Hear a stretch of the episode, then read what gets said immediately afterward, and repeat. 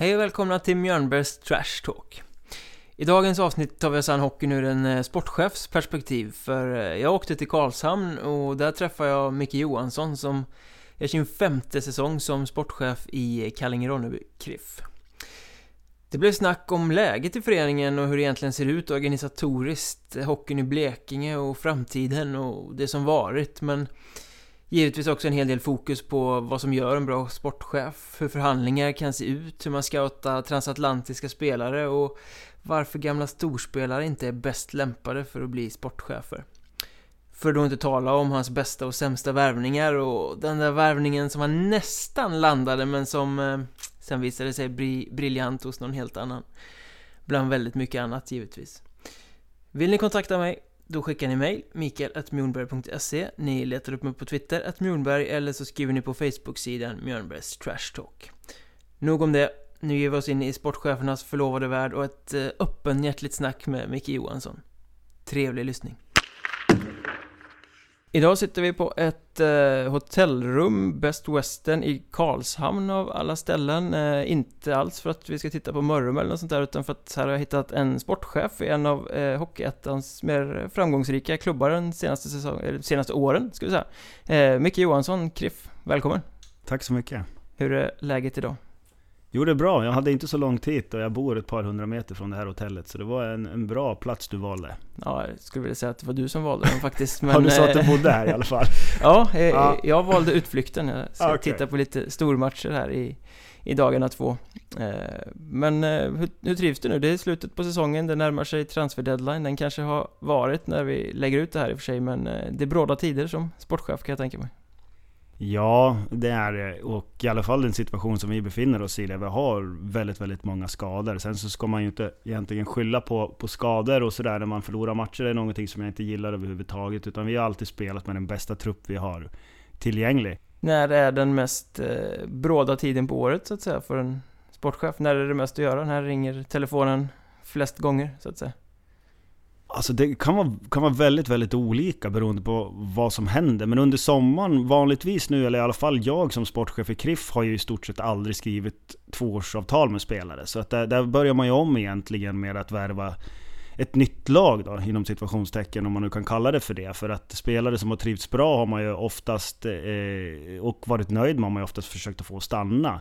Och vi har ju hela tiden haft målsättningen i Kriff att vi ska sköta oss så pass bra gentemot spelarna och behandla dem så pass bra så att de vill stanna om de inte får anbud från högre divisioner. Så att sommaren är ju givetvis väldigt mycket att göra. Eh, sen beror det ju på vad som händer. Det kan ju vara skadeperioder, det kan vara stök i föreningen överlag egentligen som, som man som sportchef också hamnar i när man arbetar i, i så extremt liten klubb som man gör. Så att eh, det är väldigt svårt att jämföra vad en sportchef gör tror jag i, i olika klubbar jämförelsevis med elitserien, SHL och en väldigt, väldigt liten klubb som, som Kriff och som andra division 1-klubbar. För det kan nog vara otroligt varierande uppgifter tror jag. Men du kan nästan sammanfatta det som att eh, det finns ingen tid på året när du lägger eh, fötterna på bordet och öppnar en bärs och bara tar det lugnt. Ja, upp någon bärs har det hänt att, att jag gör men... Även i spelarförhandlingarna? nej, kanske inte där. Men eh, nej, semester kan jag väl inte påstå att jag har haft under mina fem år som sportchef i Kallinge-Ronneby. Det är min femte säsong nu, så semester har jag inte haft. Mm, femte säsongen, det är ganska länge. Eh, för att mm. vara på Hockeyettan-nivån då liksom. Eh, mm. Och du har egentligen inte skrivit något långt avtal från början vad jag vet, utan det har varit lite förlängningar hela tiden? Ja, hur, jag har ju egentligen förlängt mina avtal på, på samma sätt som med spelarna. Eh, egentligen av, av den anledningen att KRIF är ju så pass ny förening som, som de är. Och vi kom upp första året, så stora förändringar i spelartruppen. Det var väl 18 nya spelare från, i första året och det var ju ganska mycket höga röster runt omkring när vi gjorde på det sättet. Eh, och när jag kom in så kände jag att jag ville göra någonting som jag tror på, som jag kan stå för till, till 100%. Och det visade sig att det gick ganska hyggligt det året. Vi gick ju hela vägen till kvalserien.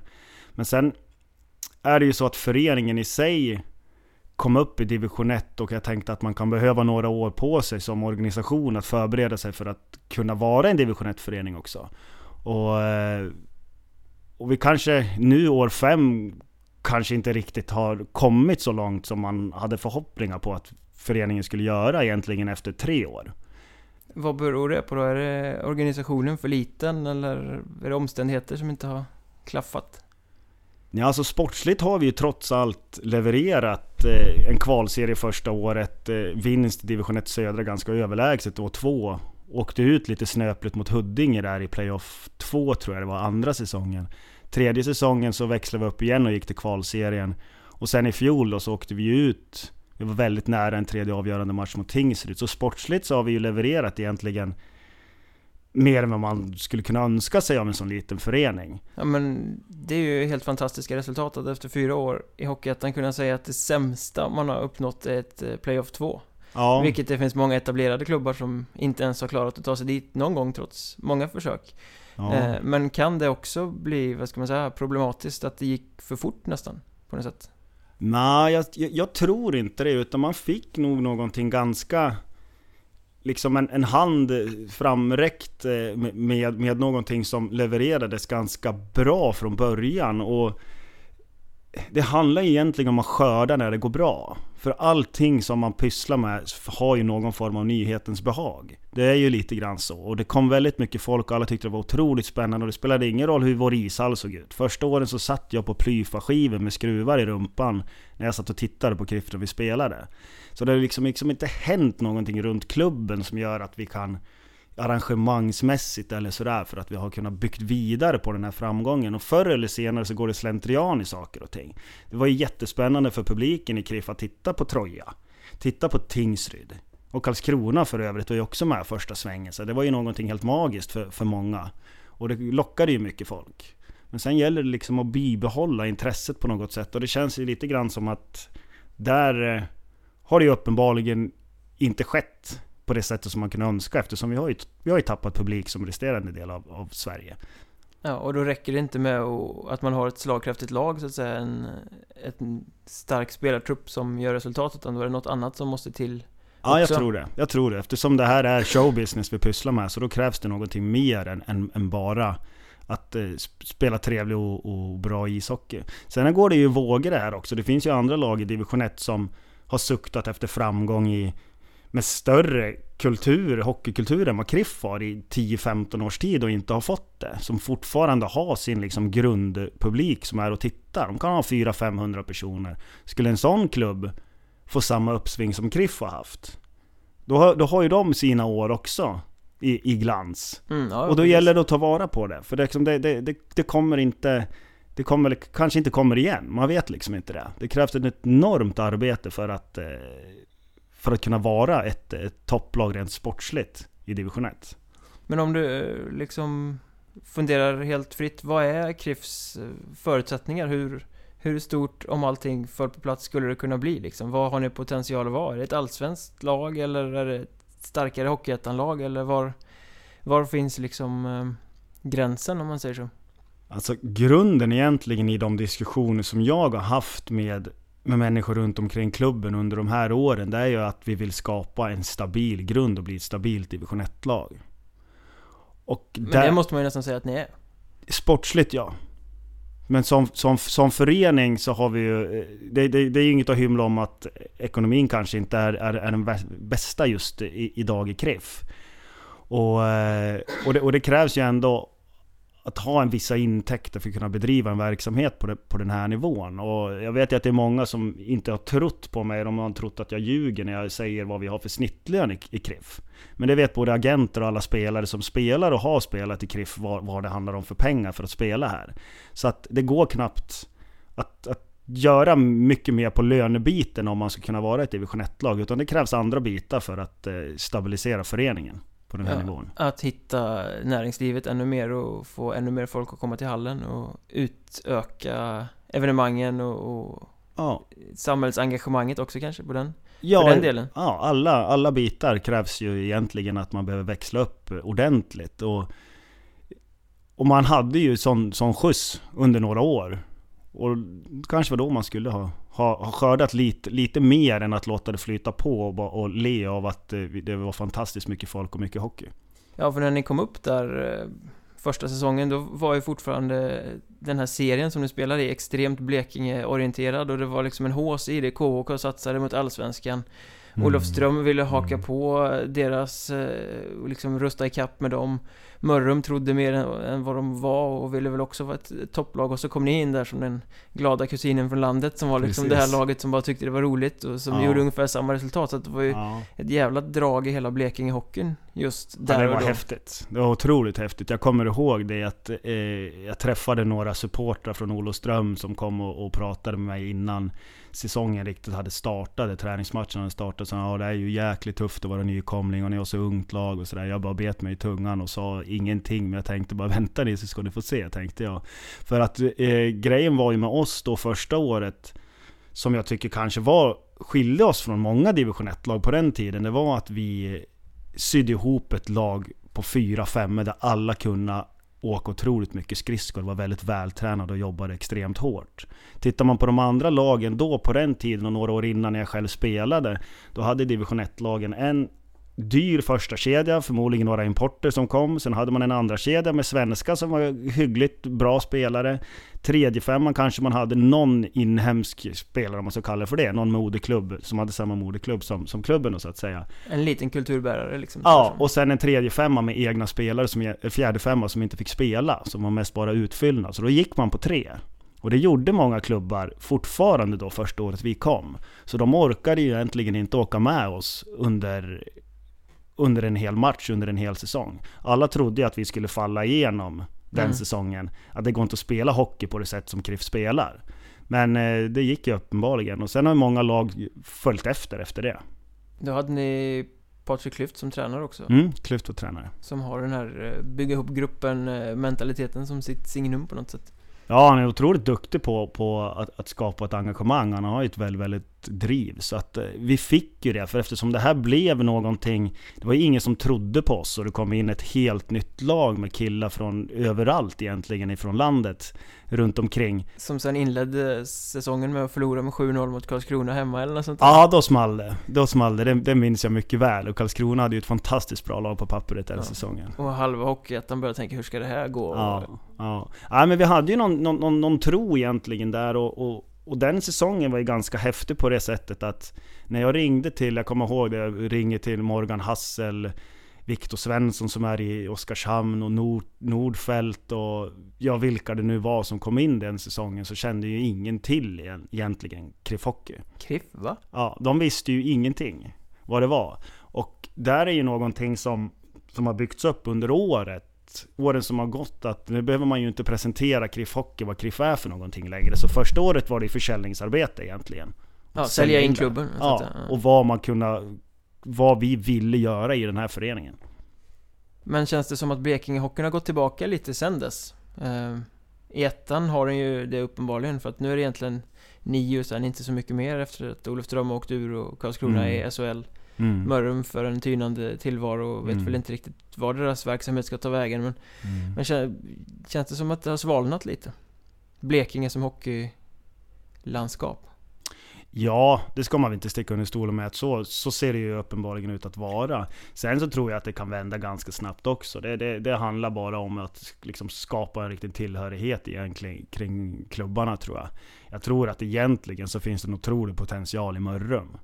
Med tanke på att de har ju haft väldigt mycket folk på matcherna innan och jag bor ju i Karlshamn så jag träffar ju väldigt mycket folk här och jag vet ju att de suktar ju efter framgångar. Och de har ju inte haft framgångarna och, och till slut då så tröttnar kanske folk att gå och titta på grund av att laget aldrig vinner. Mm. Eh, så att jag tror att det finns en stor potential i det. Om man pratar om ishallar så har ju faktiskt Mörrum också en väldigt trevlig fin ishall, måste jag säga, jämförelsevis med många andra på, på vår nivå. Även om den är lite kall.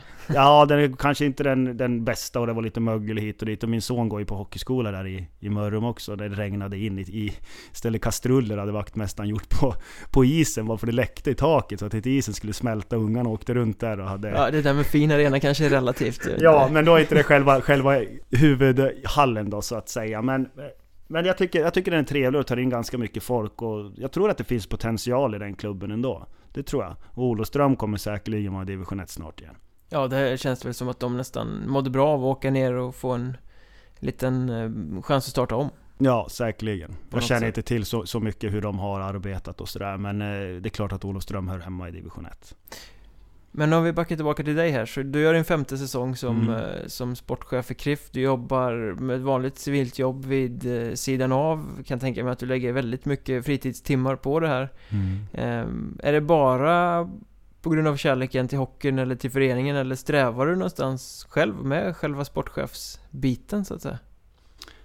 Nej, det har jag väl egentligen inte gjort. Precis som du säger så har jag ett civilt yrke som, som jag trivs väldigt bra med och det är ju det yrket som, som betalar mina fakturor och räkningar och mat och allting och, och sådär. Så att jag har egentligen inte det drivet utan drivet jag har det är att tävla och vinna. Och, och kunna göra det tillsammans med, med ett gäng härliga grabbar liksom som man ha, har valt att få, få vara med i det här laget. Det är en ganska häftig känsla när man väl vinner tillsammans. Och jag har egentligen varit så i hela mitt liv att i allt jag har gjort så har jag tävlat 100% fullt ut. Det spelar egentligen ingen roll om det var herren på täppan i, i, i årskurs 4 så skulle jag stå högst upp på, på det där lilla isberget i, i Gävle när klockan ringde. Och då fick det kosta vad det kostade för jag skulle stå högst upp liksom. Så att det, det, det är egentligen det som, som, som jag gillar. Men det måste ju vara, eh, du spelade hockey, hade en ganska lång karriär själv. Det Mm. måste vara en helt annan sak att vara sportchef just ur den vinnande aspekten. Du kan inte, du kan påverka vad du ställer för lag på isen, men du kan inte påverka utgången av matcherna sen. Nej, det är klart att det är en annan känsla. Jag minns inte riktigt vad jag hade för känslor första åren kring det, men eh, nu så, så har jag väl i alla fall accepterat att jag inte kan gå och påverka någonting på isen. Sådär. Men eh, det är klart att eh, det, det kan vara lite annorlunda och, och, och jobbigt i vissa, vissa gånger när man inte kan påverka någonting som sker. Men om det handlar mer om att vinna än att det ska vara någon karriär av något slag eller sådär liksom. Vad, vad skulle hända ifall Oskarshamn ringer eller någon annan allsvensk klubb till exempel och säger ah, vi gillar det du har gjort i, i KRIF här. eh, Du skulle inte vilja komma hit och försöka? Jag vet inte, jag har haft en del förfrågningar under, under åren här och alltså det ska fungera så pass bra också med, med familjesituationen. Jag har två unga grabbar eh, som jag vill vara med så, så mycket som jag bara kan också. Och sen ett jobb som jag, som jag sa som jag trivs med och som funkar väldigt bra. Så att eh, som dagsläget är nu så tror jag inte att eh, jag är så extremt intresserad i dagsläget. Det kan ju ändra sig väldigt snabbt att, att göra någon form av karriär som sportchef. Det är en otroligt märklig bransch att vara i. Eh, man kan vara otroligt ensam. Mm, man vet inte alltid vem du kan lita på. Du vet aldrig om du kommer att få en kniv i ryggen. Det gäller att du har full koll på dina grejer och är otroligt påläst. Och det är därför så tror jag att om man ska vara framgångsrik sportchef så tror jag definitivt att man ska spela till ishockey. Så man vet hur spelarna känner, hur spelarna mår i olika situationer och har någonting att relatera till. Men framförallt så tror jag att man ska ha haft ett bra civilt jobb. Så att man förstår vad, vad utgifter och, och, och intäkter är och man, att man har koll på det. Att man kanske har suttit i någon relativt hög position i något företag för att man ska bli framgångsrik. Det räcker inte med att bara ha den sportsliga förståelsen liksom.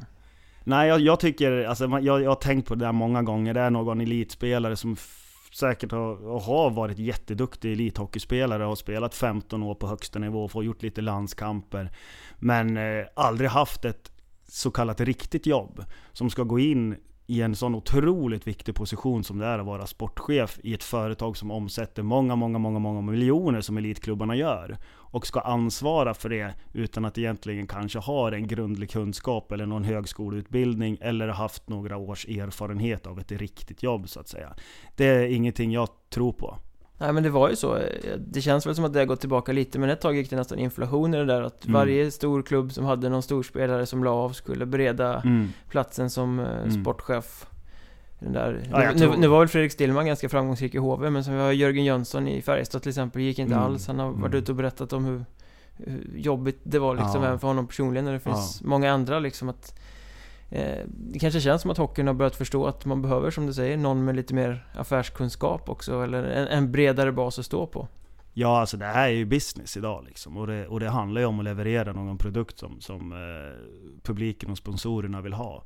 Så att eh, jag tror det är extremt viktigt att man har en bakgrund på något sätt. Och framförallt kanske att man ska ha gått också nerifrån och upp i systemet. Det tror jag. Jag tror det skulle varit extremt viktigt för väldigt många elitserietränare idag också, eller SHL-tränare idag, att de hade fått träna ett lag som Kriff Hockey. Eller som Troja eller vad det nu kan vara för lag som, som satsar och försöker leverera spelare uppåt i seriesystemet eller själva gå upp i seriesystemet för att få perspektiv på saker och ting. För det är en helt annan grej att vara tränare i division 1 än att vara i elitserien. Här måste man jobba på ett annat sätt som tränare. Man får inte allting serverat och bara komma och dricka kaffe och, och nu säger inte jag att SHL-tränarna bara gör det, så att inte många blir förbannade på mig. Men jag kan säga att det är mycket mer jobb du måste lägga ner på runt omkring som andra sköter åt dig i en större organisation. Är det lite det Tony Sabel gör hos er i år och tillbaka till rotterna och göra om och lära rätt? ja, han, han hade ju säkerligen inte det får han ju svara på själv, Tony, men eh, det har säkerligen hänt saker och ting i, i, i år som han kanske inte hade räknat med. Så att eh, så, så må det ju vara. Det är klart att det är annorlunda för honom att vara i Djurgården än att vara i Kriff Hockey. Det, det bör ju vara, annars är det ju konstigt. Det måste ju vara en, ändå en spännande utmaning för någon som kommer från en hög nivå att få kliva in i den här lite helt andra verkligheten på något sätt. Är det helt andra mm. premisser som råder? Mm. Ja, i grund och botten tror jag som en tränare när man är i ett lag som Kriff så, så handlar det om hela tiden att kunna hjälpa spelarna. Diskutera och prata med spelarna. För det här finns det liksom ingen fallskärm. Du kan inte säga till en spelare att du är för dålig, du får åka till division 2 eller division 3. Utan här tar vi hand om spelarna på ett annat sätt. I elitserien är det någon som är för dålig, då, då, är det ju, då skickar de ju dem på något sätt till Allsvenskan. Eller så släpper de dem iväg dem på något sätt. Här, eh, i framförallt i KRIF, så har vi varit väldigt försiktiga med, med den biten. Utan vi vill ju ha alla från, från start till mål så, så länge det bara går. Och då gäller det att hjälpa dem och utveckla dem och bli bättre. Du sa det alldeles nyss här också att du tycker att man ska ha spelat hockey för att kunna bli en framgångsrik sportchef. Mm, det tror jag. Eh, du själv tog ju steget direkt från en spelarkarriär egentligen eh, rätt in i, i sportchefsrollen. Mm, Ut, utan att ha varit tränare eller något sånt mm. där annat. Hur, hur mm. påverkar det din syn på, på uppgiften tror du? Gör det att du är annorlunda mot gamla tränare eller så som går att bli sportchefer till exempel?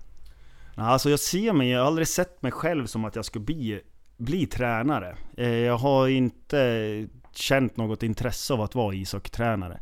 Däremot har jag haft en tro på att jag kunna göra ett hyggligt bra jobb och jag hade massa idéer vad jag ville göra som sportchef och då, det var jag liksom sugen på att testa. Sen eh, har jag haft jobb under många, många år på, på, i olika branscher, även sista åren jag spelade. Eh, chefspositioner och sådär. Så att eh, eh, jag ville testa på det och se om det höll så att säga, det, de planer som jag hade. Och det tycker jag ändå att eh, det har funkat relativt bra. Så att jag hade lite mer skinn på näsan än bara gått från hockeyspelare till direkt till eh, sportchef så att säga. Var det också givet att det skulle gå eh, så pass fort som det gjorde? Jag säga, ut, utan att vara borta från hockeyn mer än ett år? Nej, det, det, var det väl egentligen inte. Utan jag fick en förfrågan att komma in i KRIF och jag hade egentligen ingen relation till föreningen överhuvudtaget. Jag kände igen KRIF lite grann på grund av att jag har spelat i, i Olofström under ett antal år och i Mörrum så att de hade en liten notis i tidningen att KRIF hade spelat. Det var ungefär så mycket jag kände till. Det var lite samma sak som för dig när du ringde till spelare första året. Ja, KRIF, var, va? Ja, ungefär så. Fast jag hade lite mer hum eftersom det, de var med i samma länstidning här. Så att, eh, och att det blev Kriff var ju egentligen bara en, en händelse. Eh, egentligen. Så att eh, det gick, det gick ju ganska fort. Men det första året så trodde ju jag stenhårt på att, att vi skulle gå så bra som vi gjorde. Det var, det var en tro som jag hade tillsammans med med, med spelarna definitivt. Och, och Patrik var extremt grön, så han hade ju inte tränat på den här nivån. Så han visste ju inte riktigt vad han hade att förvänta sig i division 1 heller. Ni var gröningar allihopa ja. på, på era respektive poster om man ja, säger så. men alla krigade extremt hårt. Så att, eh, ja det, det var ju klart en häftig upplevelse. Ja. Ingen längtan efter att bli tränare säger du, men ganska mycket känsla för sportchefsrollen. Vissa klubbar ställer ju sportchefen i båset också. Vad, vad tänker du om sånt? Nej, det är ingenting som jag har... Jag har stått i båset någon gång. Jag gjorde det med Justereng eh, ett par gånger. Det, det var egentligen bara av anledning att eh, Artometern var lite vek och hade någon snobus i näsan och skulle stanna hemma. Det var väl ungefär den anledningen. Annars så jag, eh, ty, tycker jag inte att att det är någonting som har passat mig att göra i alla fall. I de situationer som jag har varit i. Men de sportchefer som gör det lever säkert i en helt annan verklighet än vad jag har gjort. Så att de har tyckt att det har varit ett smart drag. Jag tänker att det kan bli lite identitetskris på något sätt för, för spelarna där. Att du har sportchefen som har tagit dit dem, sen har du tränaren som har sagt mm. eh, vad de ska göra och sen står båda plötsligt där och vem, vem bestämmer? Då är det ju väldigt, väldigt viktigt att sportchef och tränare är på exakt samma millimeternivå mm. i, i vad mm. de tycker och säger där. Jo, så lär det vara. Men jag antar att sportcheferna säger nog kanske inte så väldigt, väldigt mycket där. Utan eh, de kanske är nere mest för att få se hur spelarna reagerar på ett närmare håll och se deras ansiktsuttryck närmare och känna liksom tempen lite grann på vilka som visar bra energi och inte gör det. Samtidigt hur tränaren agerar i båset. Eh, om han ska ge lite feedback på hur han borde kanske agera i vissa situationer. Jag skulle tro nog att det är mer åt det hållet. Är det viktigt det där, eh, alltså i din, i din roll att hela tiden ta in spelarna annat än bara sportsligt, alltså se hur de reagerar mentalt, se hur de fungerar med energi när saker och ting händer och sådär för att kunna bygga gruppen på rätt sätt? Ja, det, det, tycker jag. Jag brukar ställa alla möjliga konstiga frågor också till spelarna för att kunna se hur, vad de får för svar och läsa kanske lite grann mellan raderna vad de lämnar för svar. Eh, men eh, som sagt så har det ju blivit ganska stor ruljans på trupperna varje år. Man har inte liksom kunnat riktigt byggt på, på längre sikt. Eh, Skriva fast karaktärsspelare och sådär liksom? Nej, men så, så, som att eh, vissa spelare man märker nu de, som, som, som går varje dag och gör det och det och kunna placera in dem och placera in vad man behöver ha till nästa säsong och sådär. Det, har ju, det har ju blivit ganska avhuggna säsonger på det sättet. Eh, men ändå så har vi haft en stomme som har följt med oss under väldigt lång tid. Sebastian Magnusson har ju spelat fem säsonger, Nordfeldt har spelat fem säsonger. Söder 4, Dahlström 4. Viktor Wahlqvist var inne på sin fjärde nu när han gick sönder och han hade en avstickare till Mörrum där. Så att eh, Blidstrand, fyra säsonger. Sen har vi haft också Drugge och Robin Nilsson och var väl under tre säsonger. Så att vi har ju ändå haft spelare som har varit under ganska lång tid som också har varit med och hjälpt klubben att, att bli det, det liksom det, det topplag i ettan som det har blivit. Men det har ändå bara handlat om ettårskontrakt så du har behövt jobba på dem efter varje säsong ändå för att de ska bli kvar så att säga. Ja. Det är inte så att du har skrivit ett tre år och sen kan sitta lugnt i båten utan det är hela tiden det här eh, arbetet ja. för att få nyckelspelarna att stanna. Ja, alltså min vilja är att de ska vilja stanna. Låser jag upp en spelare och, och så kanske de inte vill stanna till 100% Det blir liksom inget roligt för, för någon. Utan eh, när säsongen är slut och så vill de alltid titta runt och se vad de kan hitta för någonting annat, om det finns något bättre. Alla vill ju spela i Allsvenskan. Oavsett hur mycket istid de har haft i division 1 och hur bra de har spelat så tror de 99,9% av spelarna att de kan spela i Allsvenskan. Så, så är läget. Så man får ju vänta lite grann på dem tills de har landat lite grann och sådär. Sen vill man ju att, givetvis att Krift då, under de här åren som det har varit, att det ska vara första valet i division 1. Men det har det väl varit i ganska stor utsträckning ändå? Ja, men det, men det, du, du har en sån som Stefan Söder som kommer tillbaka till Kriften mm. och vänder hem från Norge och det mm. finns fler sådana historier också, mm. att man liksom mm. faktiskt vänder tillbaka. Ja, och det, det, det är det man vill uppnå, för då vet man ju att de är här för att de vill vara här till 100% Inte att man har bundit upp någon på, på kontrakt och sen att de har erbjudanden från annat och man har inte släppt dem och så är de här ändå liksom. Då, då tror jag det är större chans att, att skapa en, en glädje i gruppen. Mm, precis.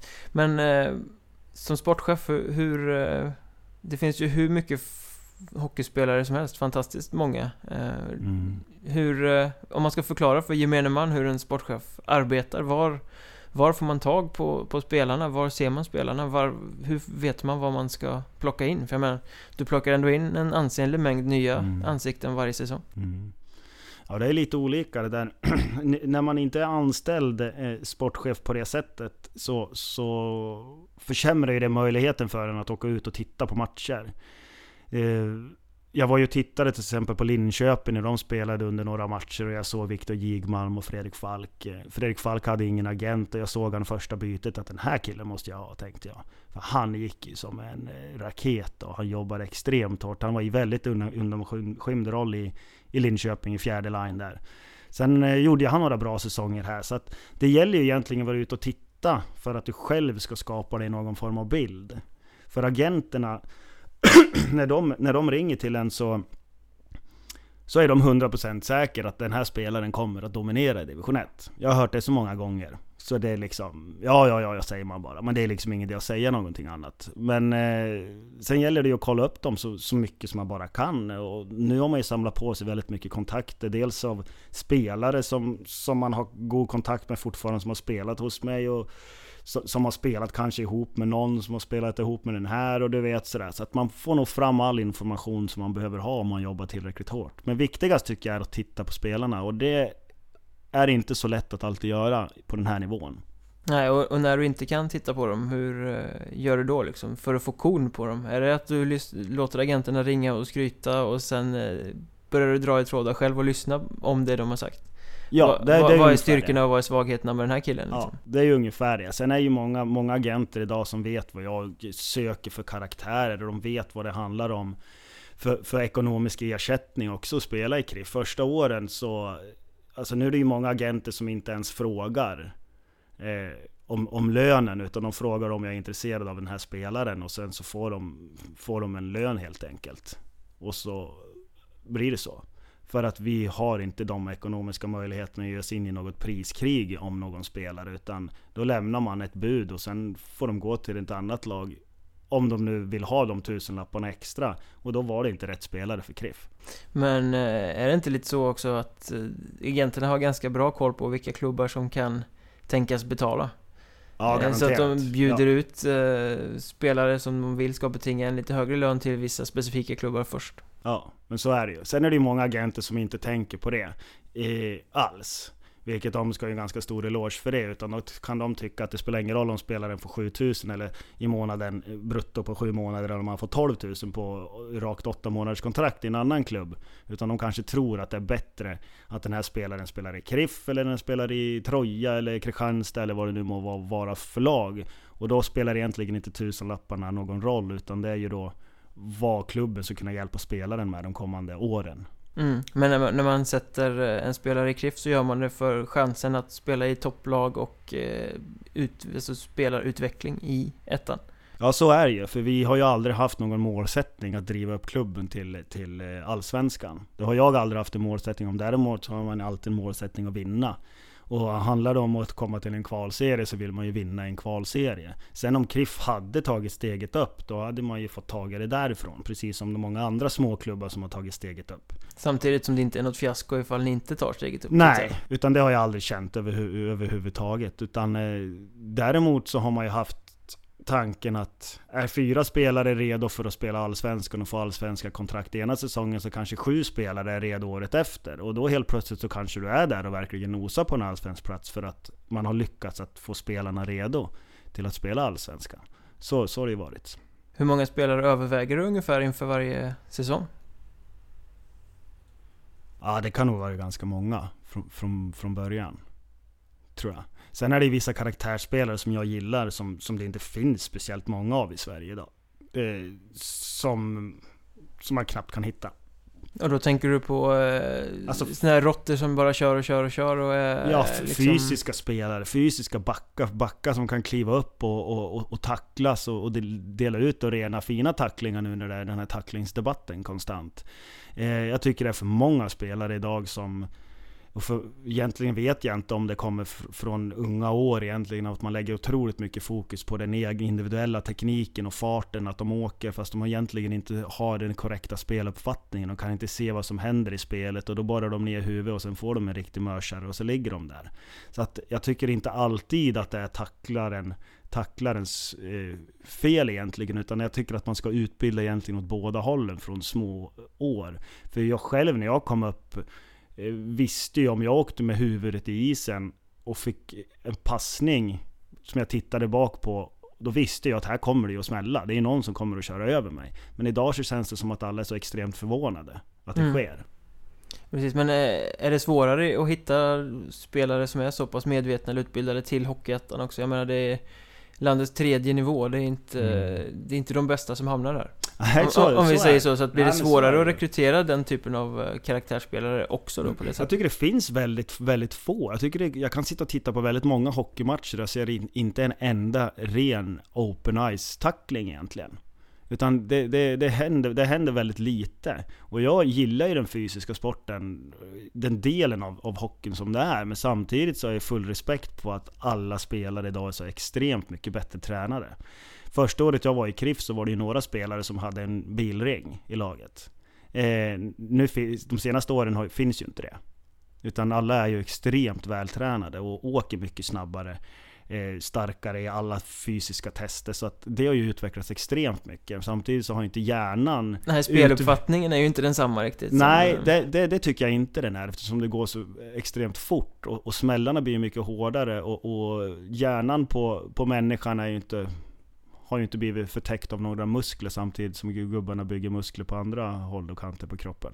Så att eh, det har ju gjort hockeyn lite farligare. Ja, men du gillar de här fysiska backarna så är det spelare som kan spela fysiskt men med tanke på hur hockeyn ser ut och med tanke på hur mycket det smäller mm. egentligen är det mm. taktiskt mm. att ha den typen av spelare i ett lag nu när boxplay och powerplay är så viktigt också. Jag menar, risken är ju rätt överhängande att även om det är en duktig tacklare att han kommer sitta väldigt mm. mycket utvisad eftersom domarna tar på det mesta. Ja, och blir avstängningar och hela köret. Så det är väl en del av sporten som kanske håller tyvärr på väg att försvinna. Eller tyvärr kanske man inte ska säga, för det är ju så väldigt många som blir skadade och, och, och mår väldigt, väldigt dåligt under lång tid och tvingas sluta och kanske mår dåligt hela livet av det. Så det, är inte, det är en väldigt tuff del i det.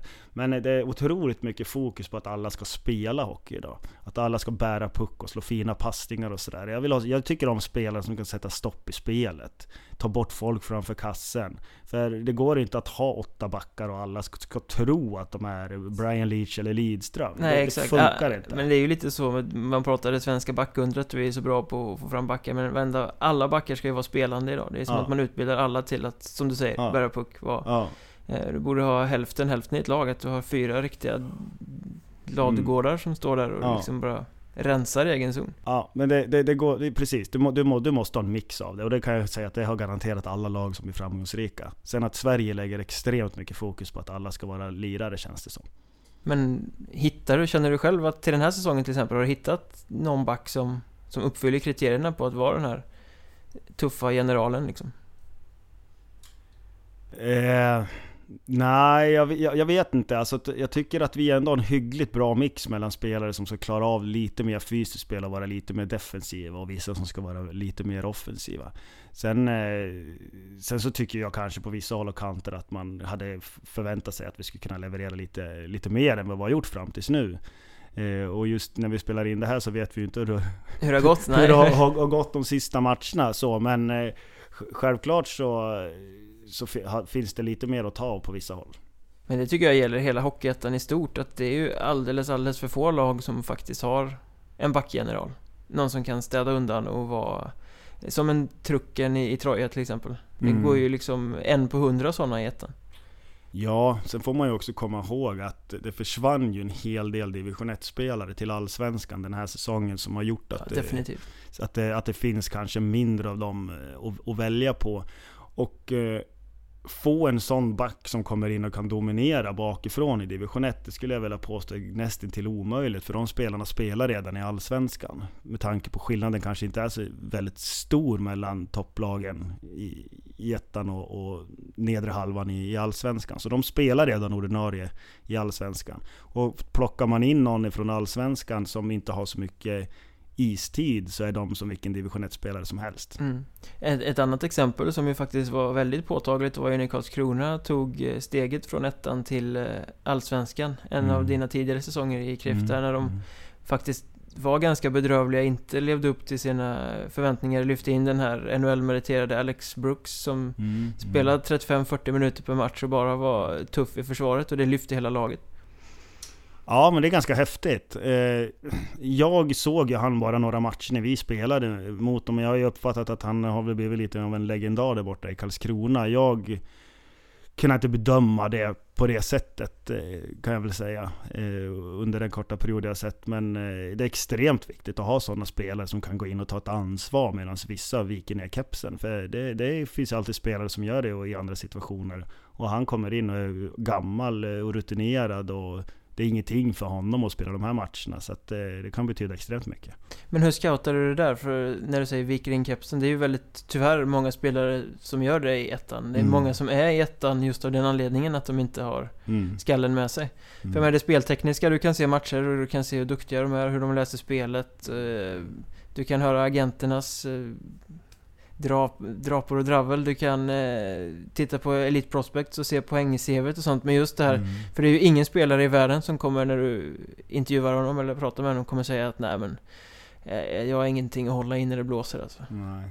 Nej, det är, det är ju väldigt, väldigt svårt. Eh, då är det ju viktigt att kunna prata med tidigare tränare kanske, hur de reagerar i vissa situationer. Och eftersom vi ofta har tagit unga spelare så har de ju egentligen inte spelat på den här nivån. Så för, för, de, för de spelarna som kommer ifrån J20, de, de måste först lära sig förstå vad det handlar om att spela i division 1. För även om de har varit en stöttepelare eh, eller stöttespelare i, i, i superelit så betyder det inte överhuvudtaget ens att de platsar i ett topplag i division 1. Även om de själva kommer in med den tron att de kommer att dominera. Jag har otroligt många exempel på det spelare jag har värvat från superelit under de här fem åren som kommer in med den självbilden att de kommer att dominera, ska vara här en säsong och sen är det allsvenskan, sen är det elitserien och så kanske det blir NHL också. Men verkligheten ser lite annorlunda ut. Ja, det har man ju sett några gånger, att det tar tvärstopp när eh, man väl ska möta seniorlag som spelar strukturerat och, Mm. och det tar några säsonger att växa in i en, Mm. en hockeyettan, kostym sådär. Men Ja det är det. eh, måste du, även om du är sportchef, anta rollen av eh, uppfostrande då också? Eller lägger du det helt och hållet på, på tränaren? Alltså det, det har varit lite olika, olika säsonger. Eh, så har jag pratat mer eh, eller mindre med, med, med många olika spelare beroende på kanske vilka behov de har haft och sådär. Och sen haft uppföljningar också det jag har haft eh, typ som kvartssamtal med spelare innan jul för att få igenom vissa, för, få reda på vissa saker som jag kan också då ta till mig, utveckla mig själv också och samla på mig erfarenhet och kunna ta med tränaren eh, om det är något specifikt som, som har kommit upp efter samtalen. Eh, i, I år har jag inte har, har lagt ner så extremt mycket tid på, på, på de bitarna faktiskt. För att det har varit så extremt mycket annat under den här säsongen som har varit väldigt turbulent från, från alla håll och kanter egentligen. Så att eh, det har inte funnits så mycket tid till det. Och sen så måste jag också leverera på ett jobb som det inte räcker att jag jobbar 40 timmar i veckan på heller. När du säger turbulent, tänker du på eh, ekonomin och allting runt omkring sånt där som det har varit mycket fokus på? Jag Ja. vet att eh, ni hade lite tränarstrul där också när Ja. Sabel var borta en sväng och just Reng den eviga inhopparen var här och, och Nej, Han ska inte kallas, lite. kallas för det. Han är, han är en otroligt kompetent tränare. Eh, han- ja, alltså absolut. Det är klart att det eh, vart väldigt turbulent den situationen som Tony tyvärr hamnade i. Eh, lyckligtvis så, så är allting eh, löser på ett, på ett bra sätt och han är tillbaka nu och sådär. Men eh, självklart så vart det ju rörigt. Det är ofrånkomligt att det blir det. Eh, en, en grupp eh, spelare och, och, och ledaren försvinner för laget. Hux flux sådär. Så det är klart att det var turbulent. Och sen har vi ju haft också väldigt mycket skador. Vi åker upp och möter Västervik borta. Vi har fem spelare på pappret men det är egentligen bara, bara tre som borde spela den matchen. Men vi är ju tvungna att skicka med de andra två för att kunna avlasta liksom. mm. Så att det har varit, det har varit tufft på många sätt. När det, den, den här säsongen också. Precis som förra. Och det, liksom, det, det, alla säsonger har sina, sina egenheter som, som gör att eh, det, det tär på, på kroppen och knoppen. Så att, att jag inte har mer gr- gråa hår tycker jag är märkligt. Men det är en utmaning då, du lär dig någonting av varje sån här... eh, Det är ju ändå ganska mycket krishantering som ingår i, i rollen som sportchef. Ja, eh, det, det är det ju. Det är klart att jag har ju samlat på mig extremt mycket erfarenhet från de här åren som jag bär med mig i, i, i min ledarskap framöver också i, i mitt vanliga yrke, garanterat. Eh, på många sätt. Så att eh, jag har nog lärt mig väldigt, väldigt mycket. Och säsongen innan var det Cariello Ranta som var eh, den stora rubriken. Var, det, det lät så rätt från början men blev så fel liksom. Är det, när man måste ta det där beslutet och flytta på en tränare. Ehm, var, var någonstans kommer man? Hur länge funderar man innan man tar det slutgiltiga steget? Ja, det är den enda tränaren som har fått lämna Kriff under de här åren. Um, Ja, alltså man funderar nog, eh, eh, man, man har ju en magkänsla som man bär med sig under ganska lång tid och man kanske inte får den utveckling av spelet eller eh, det som man har värvat spelare för att de ska göra, att man inte får ut någonting av det. I den, just den situationen så var det ju så att hela, hela laget var ju färdigvärvat och jag hade ju letat egentligen tränare sedan kvalserien slutade när Justräng flaggade om att han ville söka andra uppdrag för kommande säsong. Eh, annars hade just den, jag hade gärna sett han kvar under det, det, året för att kunna bygga någonting på, på lite längre sikt. För vi har också bytt en del, hel del tränare under åren ju. Så just den hade jag gärna sett stannade. Och då, då stod vi där tre, fyra veckor innan istartlaget är färdigvärvat, vi har ingen tränare. Och eh, så blev det Eloranta och vi var ju väldigt, väldigt överens om hur vi skulle spela ishockey och, och hur Kriff var uppbyggt och, och, vilka spelare som skulle komma och vad spelarna skulle leverera till gruppen dag ut och dag in och sådär. Men sen när vi väl började spela så, så blev det som att eh, du vände på pannkakan liksom. Det, det, det, det, var inte KRIF som spelade hockey helt enkelt. Nej, ni var ganska grå den säsongen, eller början av ja. den säsongen. Alla skulle ungefär göra, göra samma sak oavsett om man kunde det eller inte. Det kan man väl kort och gott uttrycka det som då. Och, eh, så det var egentligen inget svårt beslut, utan jag var, jag var ju tvungen att göra någonting. Och sen kom ju just Reng tillbaka och, och eh, fick så när, så när, så när ordning på det. Vårt problem var att vi hade fått spela lite för svaga matcher kanske under en längre, längre tid. Ja, ni hamnade i fortsättningsserien ja, den, den precis, säsongen. Precis. Men det här är ju ett lite annorlunda fall av tränarsparkning kan man ju säga egentligen. För här var det ju ganska uppenbart att det inte alls eh, rent hockeymässigt såg särskilt bra ut. Att mm. inte... Mm. Och spelarna beklagade sig över att det var fyra linjer som var jämngrå och alla gjorde samma jobb fast, ja, så som du säger att de rollerna fanns inte. Nej, och det fanns eh, rollspelare i laget. Jag var otroligt nöjd med det lagbygget för den säsongen. Eh, men i vanliga fall, eller i vanliga fall ska jag inte säga, men i många andra fall så sparkar man ju tränaren även om det kanske inte är tränarens fel på något sätt för att man vill skapa en eh, effekt bara. Man vill väcka ett lag. Det kanske mm. inte har sett sportsligt dåligt ut men resultaten har gått emot. Mm. Även om inte du har sparkat en tränare på det sättet så du, håller du på med sådana här små knep och tricks och ställer till med saker för att ändra fokus eller väcka ett lag liksom? Ja, alltså jag för ju ständig dialog med, med, med tränarna som har varit i, i, laget. Eh, I vissa, under en tvåveckorsperiod kanske det kan vara varje dag, medan det går några dagar innan vi, vi pratar och sådär. Utan det handlar ju hela tiden om att, att eh, hjälpa tränaren också vara ett bollplank egentligen om hur, hur vi ska spela. Nu kanske vi inte har funkat att vi spelar på det här sättet. Nu ska vi möta det här laget. Är de vana att möta ett lag som uppträder på det här sättet? För att, för att kunna hitta saker och ting. Och, och tittar man på Kriff i år så tycker jag att vi har haft en otroligt hög högsta nivå. När vi har spelat vår bästa hockey, när alla är synkade, när alla funkar. Då tycker jag att vi ser fantastiskt bra ut. Kanske till och med det skickligaste laget vi någonsin har haft i KRIF. Men eh, samtidigt så har vi tyvärr haft alldeles för djupa dalar i vissa matcher där vi har kunnat fallit igenom. Där det, det känns inte som att vi, har, att vi har saknat en viss stabilitet i vårt agerande. Som har gjort att vi har kunnat Eftersom alla matcher går i vågor. Det kommer man ju aldrig ifrån. Det är helt omöjligt att vara i anfallszon och ligga på i 60 minuter. Vi har ju motståndare att anpassa sig till också. De vill ju vinna matchen och de kommer att få sina chanser. Så att eh, där tycker jag lite grann att det har brustit för oss i vissa, vissa delar av den här säsongen.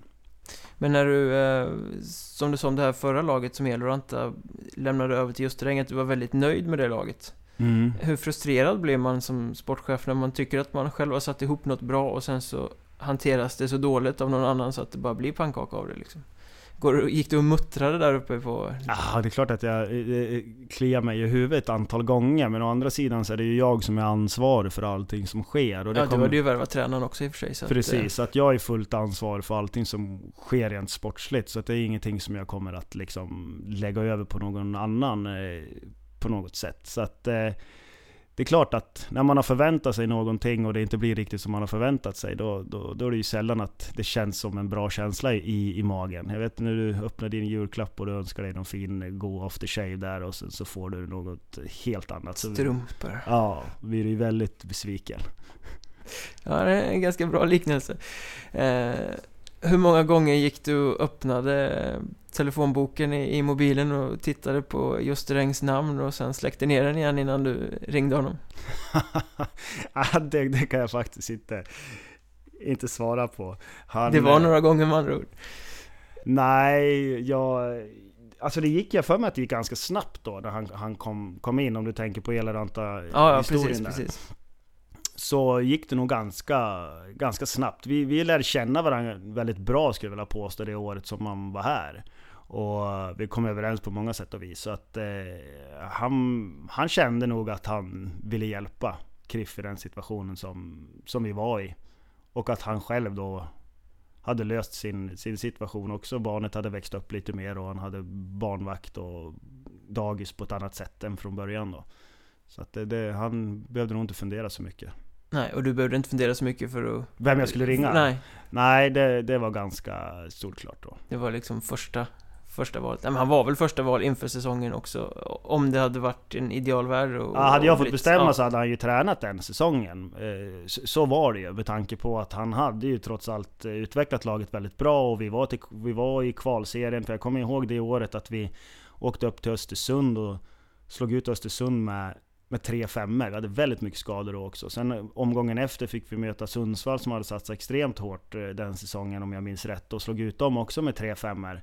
Och då hade vi väldigt tongivande spelare som var borta då. Och sen var det väl kanske i första eller andra rundan i kvalserien vi fick bussa upp till eh, Löven och möta Björklöven. Så att vi åkte där nu på ett par veckors tid till Östersund, Sundsvall och Umeå här nerifrån i buss. Och gjorde otroligt bra matcher, så att eh, det var strångt. Var du med på resorna? Ja, jag kollade på webb-tv. Det är lyxen man har nu för tiden. Så är det ja. Annars hade det varit problematiskt. Att vara sportchef när det inte fanns den här webb-tvn. Den är ju överlägsen. Ja, hur många matcher kollar du webb-tv nu när du kan se dem i efterhand också? Ja, i efterhand tittar jag väldigt, väldigt sällan. Ja. Eh, men jag ser ju alla matcher vi spelar. Eh, ja, det är inte så väldigt långa resor så åker jag också till bortamatcherna. Alla hemma ser jag ju och så ser jag de flesta borta då på, på webb-tv. Ja, men det är viktigt att se sitt lag spela så man vet vad man ska förstärka och behålla. Och... Ja, framförallt så är det jävligt kul att se sitt lag spela tycker jag. Det är din lilla leksak liksom. Ja det är det, det är, det är mina små, små, små grabbar.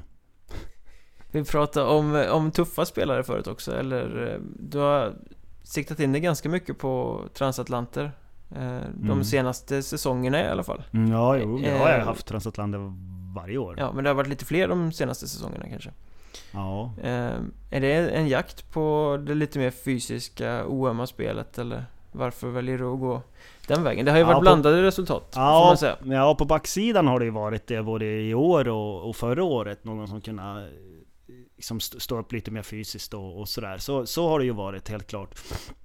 Men i, i, i, grund och botten så handlar det ju också om att, att bygga ett lag där laget ska funka med, med olika karaktärer och individer. Och jag har ju hela tiden letat efter utlänningar som är beredda att komma till Sverige och spela för att de vill komma till Sverige och spela. Och vill spela enligt eh, det vi kan presentera, erbjuda. Och det är det som har varit den, den, stora grejen för att vi kan inte betala de löner som vi behöver göra för att kanske få de mest meriterade division 1-spelarna. Det klarar inte vi av. Nej. Och då, då går man eh, och tittar utomlands och, och förhoppningsvis kan få någon som, som kan leverera det man vill att de ska leverera för en billigare peng än de svenska spelarna. Så det har ju varit utgångspunkten från, från början. Men hur scoutar man då? För många av de här transatlanterna som kommer hit, och ni är absolut inte ensamma, det är många lag i Hockeyettan som som går samma väg och har varit i ganska många säsonger. Men spelare som vill ut på äventyr som kommer från juniorligor eller mm. obskyra ligor där borta. Mm. Hur, mm.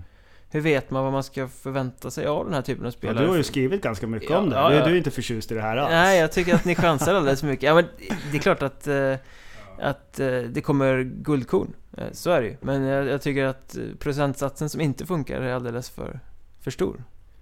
Ja, det, det kan det säkerligen vara. Alltså grejen är ju, är ju så att man har ju inte möjlighet egentligen att åka över och titta på en massa spelare när man är på den här nivån. Utan då måste du egentligen sikta in dig på någon att den här, nu ska jag åka och titta på de här lagen på grund av att han och han är där. Och sen så vet du ju inte som i division 1 mått mätt att du överhuvudtaget kan värva de spelarna för att de är kanske svindyra. Mm. Utan, utan eh, det, det blir ju så att man har en dialog först och främst med massa agenter och ser vad det finns för spelare. Och sen så har jag också en hel del kontakter där borta som jag kan ringa till och se till att jag får rätt kontakter om jag inte har det.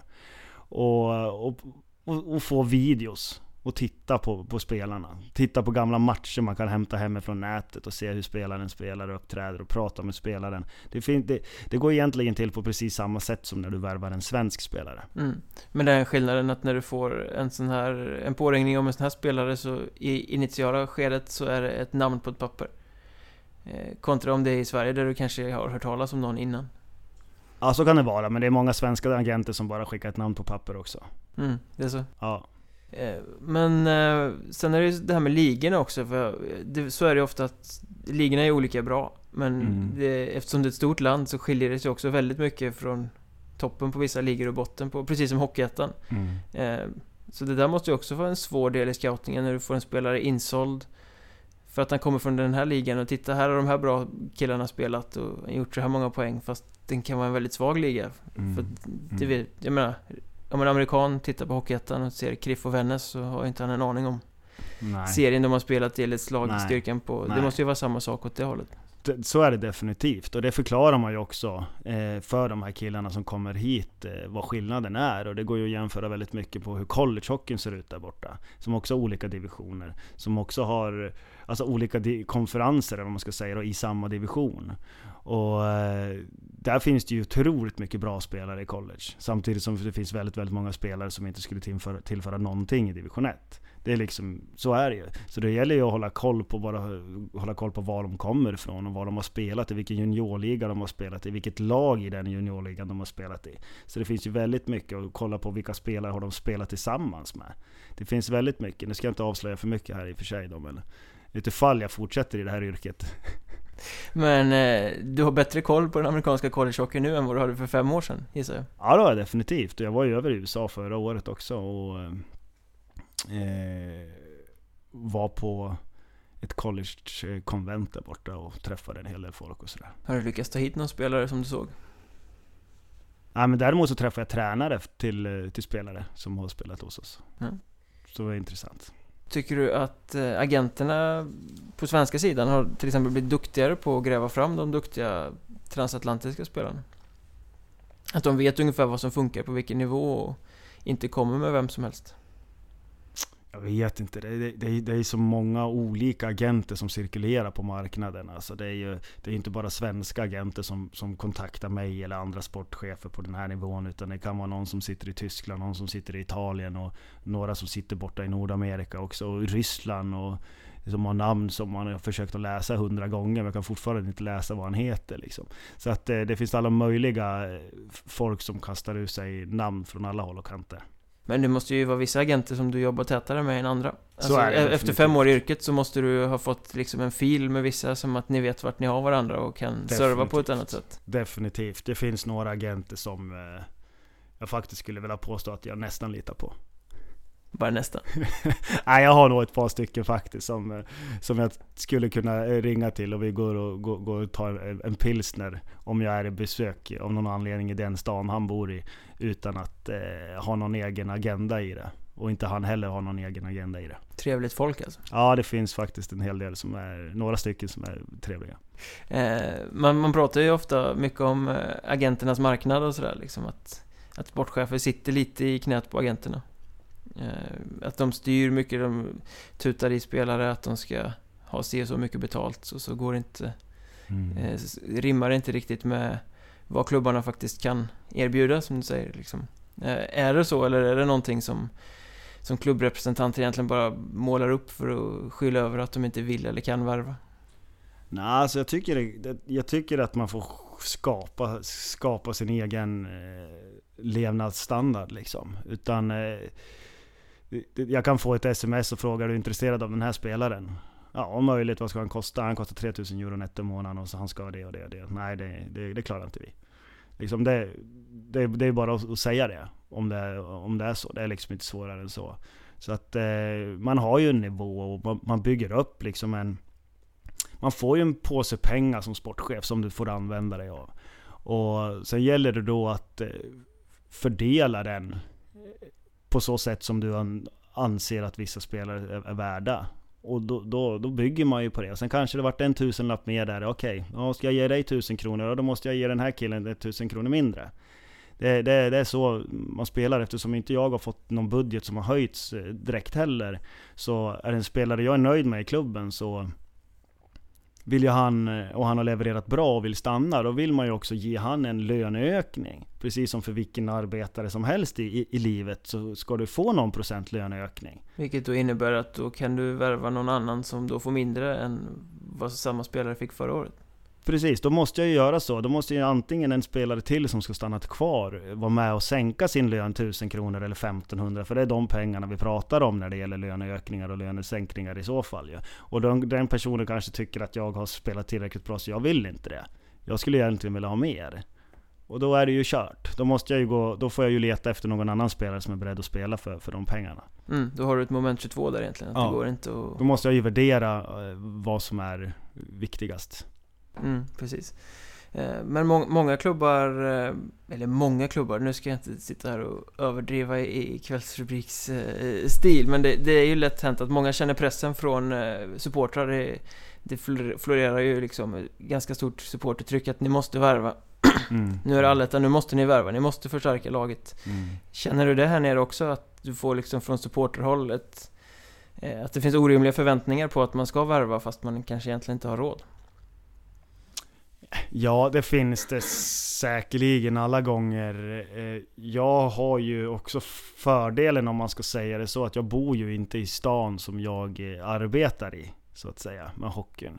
Så jag träffar ju egentligen supportrar och folk runt omkring klubben träffar jag på matcher och, och, och pratar med dem där och svarar på alla frågor som de må ha, ha då. Så att jag, det är inte så att jag går och handlar och att det är folk som kommer, kommer fram till mig och eh, be mig värva spelare. Mm. Men eh, jag är ändå ganska trygg i, i, i mig själv när det gäller de här bitarna och, och kan stå för, för det vi har och det, det, det jag har gjort och sådär. Så att jag säger nog ganska klart att eh, det finns inte pengar att värva spelare eller vad det nu må vara. Så att eh, jag känner mig ganska lugn i den situationen. Vad har du för åsikt i, i största allmänhet annars om sådana här sent på säsongen värvningar? Det brukar ofta vara så här när man närmar sig transferfönster eller när man ska in i en allett att det liksom är givet att klubbar uttalar sig att de ska förstärka. Mm. Det kontra gruppdynamik brukar man ju ofta prata om, liksom hur, Ja, men det, det, det, gäller ju att kunna bygga, bygga en sån grupp från början som förstår att det kommer att ske förändringar. Det finns inte en enda säsong som det inte har skett förändringar i Kriff. Eh, med spelare hit och dit. Skillnaden är, när laget spelar väldigt, väldigt bra och en spelare försvinner och det kommer en ny så är det ingen som reflekterar över det. Men när, när det går lite sämre och det byts spelare, då är det alla som är påhackade att det byts spelare hela tiden. Marknaden ser ut så idag oavsett, så att det kommer att bytas folk. Och det, det, det är ett yrke och spelarna måste förstå också hur det fungerar. Den stora frågan är ju hur, hur gruppen eh, klarar av att anpassa sig till olika individer.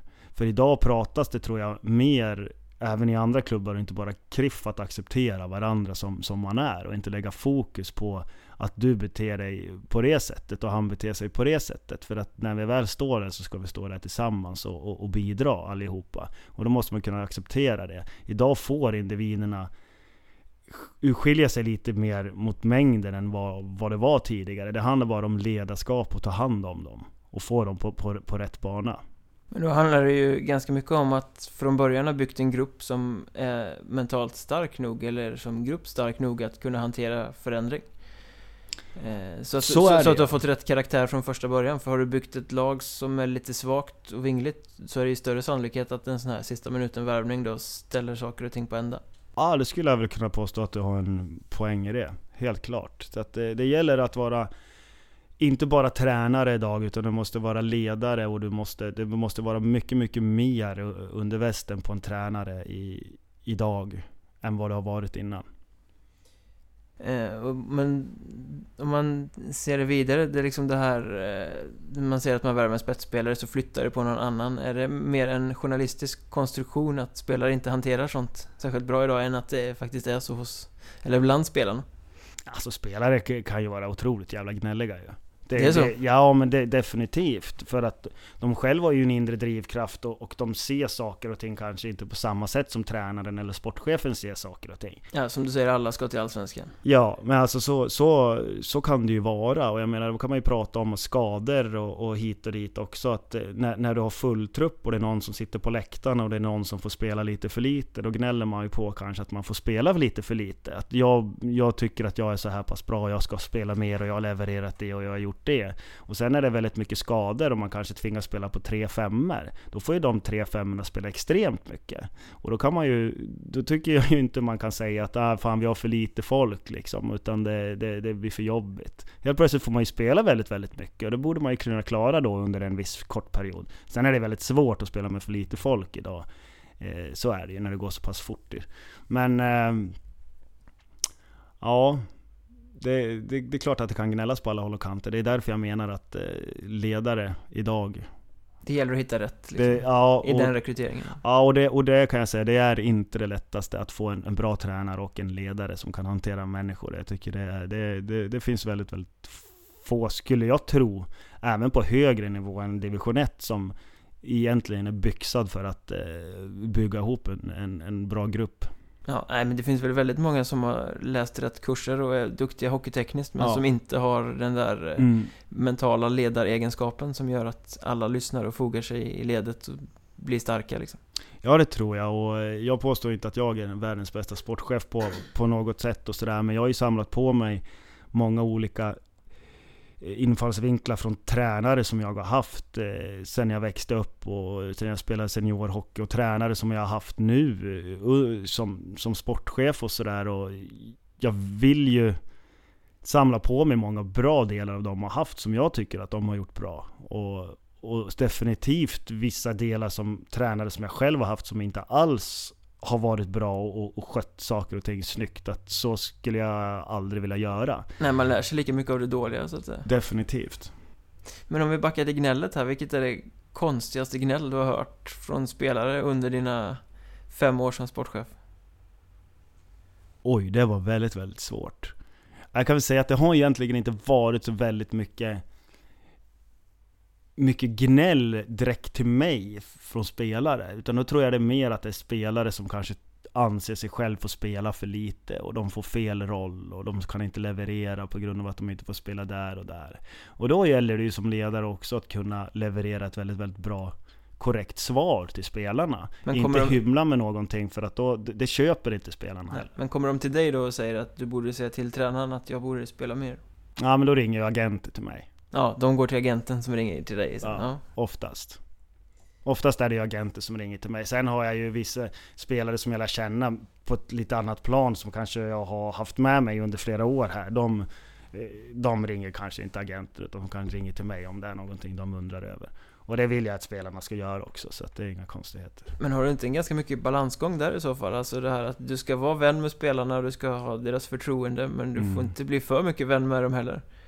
För då kan det bli svårt att ta de obekväma besluten om de måste tas. Ja men så, så är det ju. Och det gäller ju att ha en balansgång i det. För jag trivs ju skitbra med, med killarna liksom. Det är inga, vi kan ju prata om det, det, saker och ting som man kanske pratar om när man var spelare. Sånt som man saknar när man väl har slutat i omklädningsrummet och sådär. Sitta och lyssna på vad, vad ungdomarna pratar om. Om de skiljer sig någonting sen man var ung själv. Men eh, jag umgås ju aldrig med spelare privat liksom och sådär. Det, det, det är klart, det, det, det går ju inte.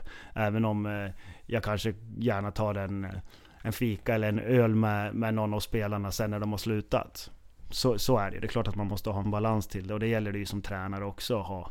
Eh, även om man kommer till en sån här litet ställe där man är väldigt, väldigt ensam kanske som tränare. Man måste hitta ett, ett eget nätverk att umgås kring.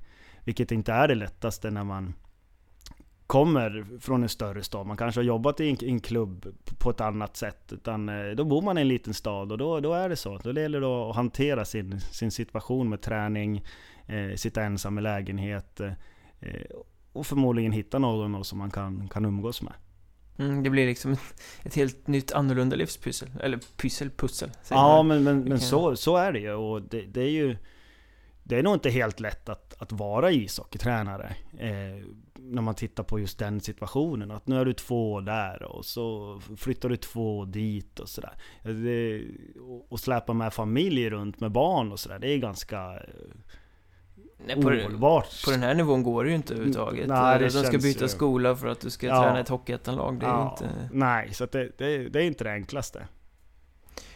Vilket är det konstigaste kravet då du har fått i en kontraktsförhandling? Om vi tänker på det. Nej, jag tror inte att jag minns att det är något konstigt förslag. Jag gav själv ett väldigt konstigt förslag när jag var liten grabb. När, när ett eh, lag frågade om jag ville spela en match där. Att ja, jag kan spela för om jag får en backläsk, sa jag.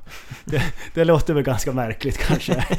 Det var jävla hård valuta på 1984 att få en backläsk liksom. Ja, sen fick du en karriär i alla fall. Ja, precis. Nej, jag har nog inte fått några sådana här extremt, eh, några, några konstiga grejer. Utan det är nog samma gamla vanliga visa. Men hur, hur, ofta blir det långbänk då? När du sitter där i telefon med agenten och det liksom ska sådär.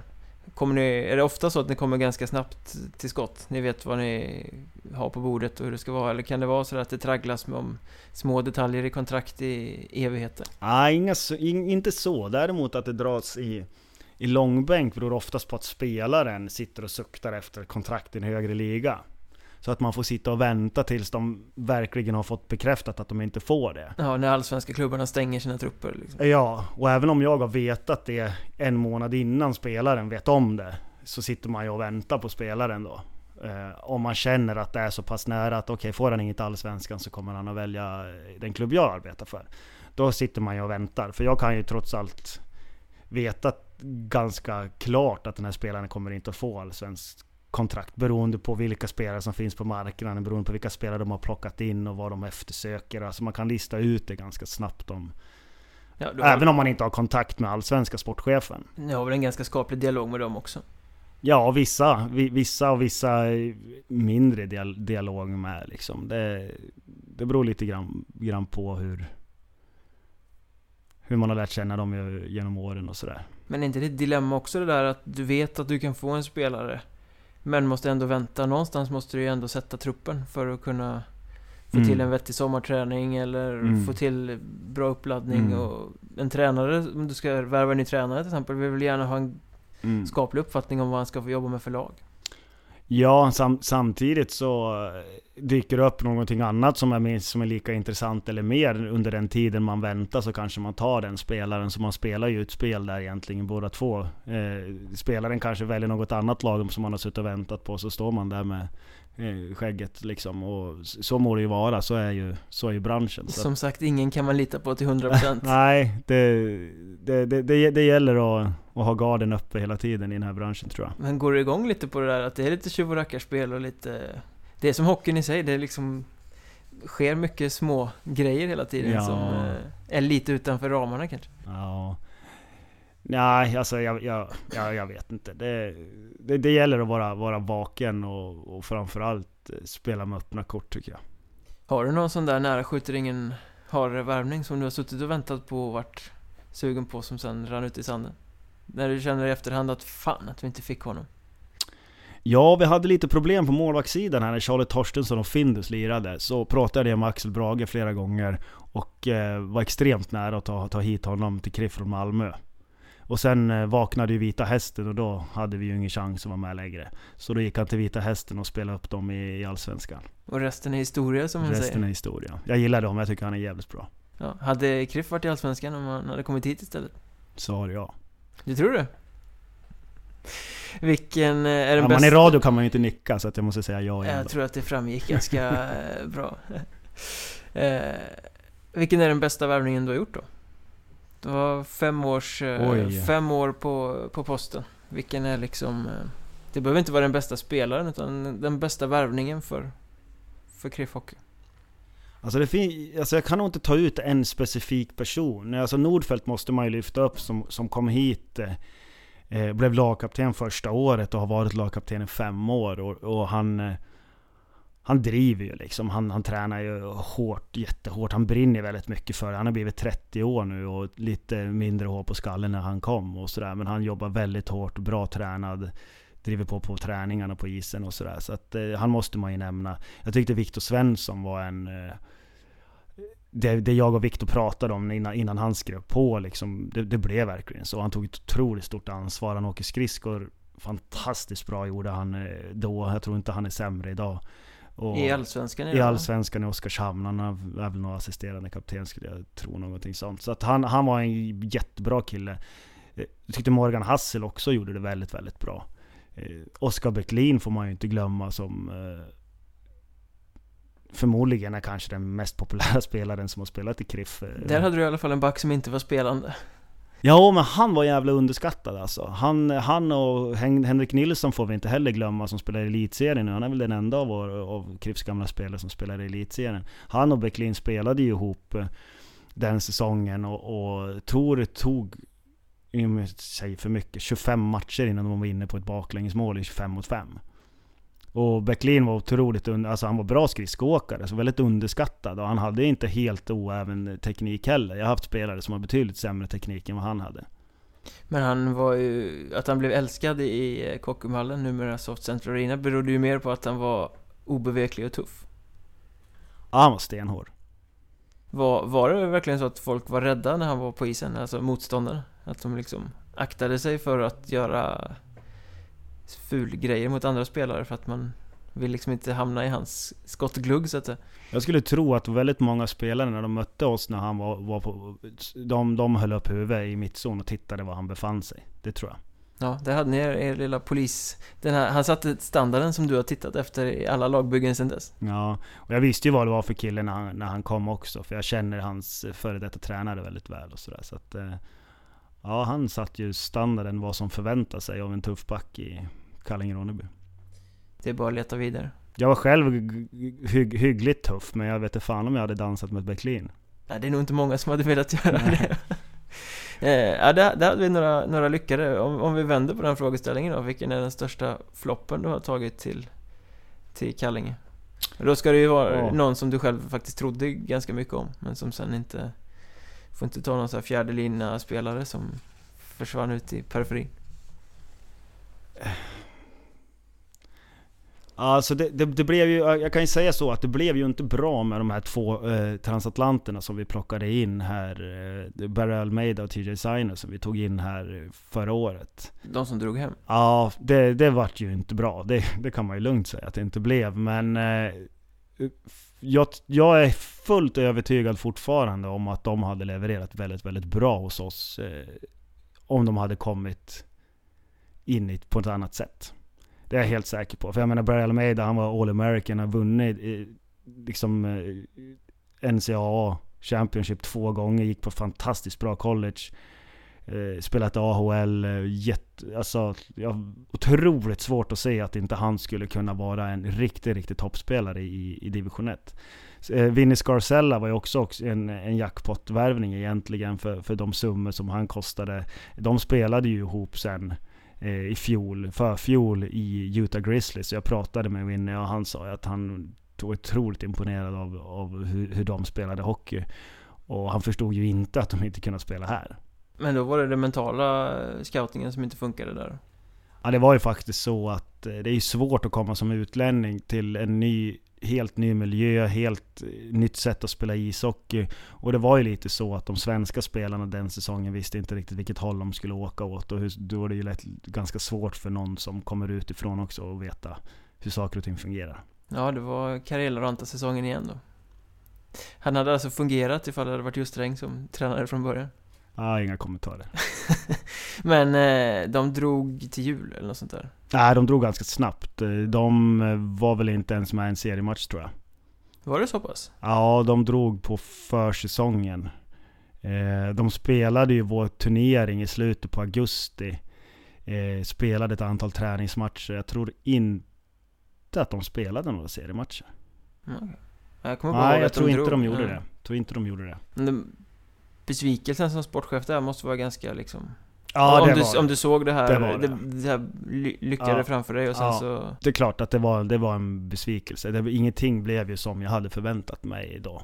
Som jag hade jobbat jävligt hårt för att det skulle bli. Och har man ansträngt sig och gjort precis allt man kan och det inte blir som man hade tänkt sig. Det är klart att man ska inte sticka under stolen med att man... Eh, att det känns för jävligt. Såklart. Har du din bästa värvning framför dig? Ja, när jag är i Novosibirsk i KHL så kommer jag värva någon riktig vass, vass lirare. Ja, det är där du kommer hamna till slut med det. Nej, eh, jag vet faktiskt inte eh, hur många år jag kommer att fortsätta med det här yrket. Eh, om jag kommer att fortsätta inom hockeyn överhuvudtaget. Jag har ingen aning. Men det låter ju när man lyssnar på det i en dryg timme här nu som att du fortfarande har ganska mycket sug för. Eller liksom en, en kärlek till, till sporten och tugget runt omkring. Jag har nog alltid haft en eh, väldigt stark eh, hatkärlek till hockeyn överhuvudtaget. Ändå, eh, även som, som liten grabb tror jag. Att jag älskade hockeyn samtidigt som jag hatade den vissa dagar. Du hatar den att du fortfarande vissa dagar? Jag hatar den att jag älskar den så mycket. och att den tar så mycket av din tid? Ja, precis. Ungefär så. Ja. Men med andra ord så är det inte helt eh, omöjligt att det kommer ett pressmeddelande från KRIF någon gång fram i april, maj någon gång när det säger att de har signat sin sportchef för ytterligare ett år framöver. Jag har faktiskt kontrakt redan inför nästa år, men eh, vi, vi vet ju inte hur, eh, hur saker och ting kommer se ut i KRIF inför nästa säsong. Om klubben finns överhuvudtaget? Det, det, det, vet jag, jag vet faktiskt inte, utan man gör väl allt man kan nu för att försöka få ordning på de svårigheter som, som klubben står inför. Ja, det är väl ett, ett år kvar i alla fall innan licensen ska kicka in, så att det, fin, det finns ju tid att göra räddningsinsats. Ja, men, men, men eh, det, det, handlar ju egentligen om att skapa någon form av grund att stå på. Att få skapa någon form av stabilitet. Nu har vi ju inte fått den här stabiliteten trots alla våra framgångar som du själv sa, som många andra klubbar skulle eh, offra ett ringfinger för, för att få. Eh, vi har ju inte riktigt hamnat där jag önskat att vi ska hamna och, och kunna liksom känna trygghet i det vi gör månad ut och månad in. Liksom att Kommer vi femma ett år i division 1 södra, när till och med Västervik och Vimmerby är nedflyttade som Kristianstad gjorde i år. Då ska det inte vara så att vi går i konkurs bara för det. För att vi tappar 75 åskådare liksom. Utan man, man måste hitta någonting som är betydligt, betydligt starkare än, än det. För att hålla det, hålla det i längden. Då får vi hålla tummarna för att Kriff lyckas hitta en väg att gå och eh, eh, hittar tillbaka upp på banan både ekonomiskt och sportsligt. Där är ni i och för sig med ganska bra fortfarande. Ja det tycker men, jag. Jag tycker jag spelar i allettan med så här bra motstånd så det tycker jag. Det var kul att du ville vara med. Tack så mycket, det var kul att vara med.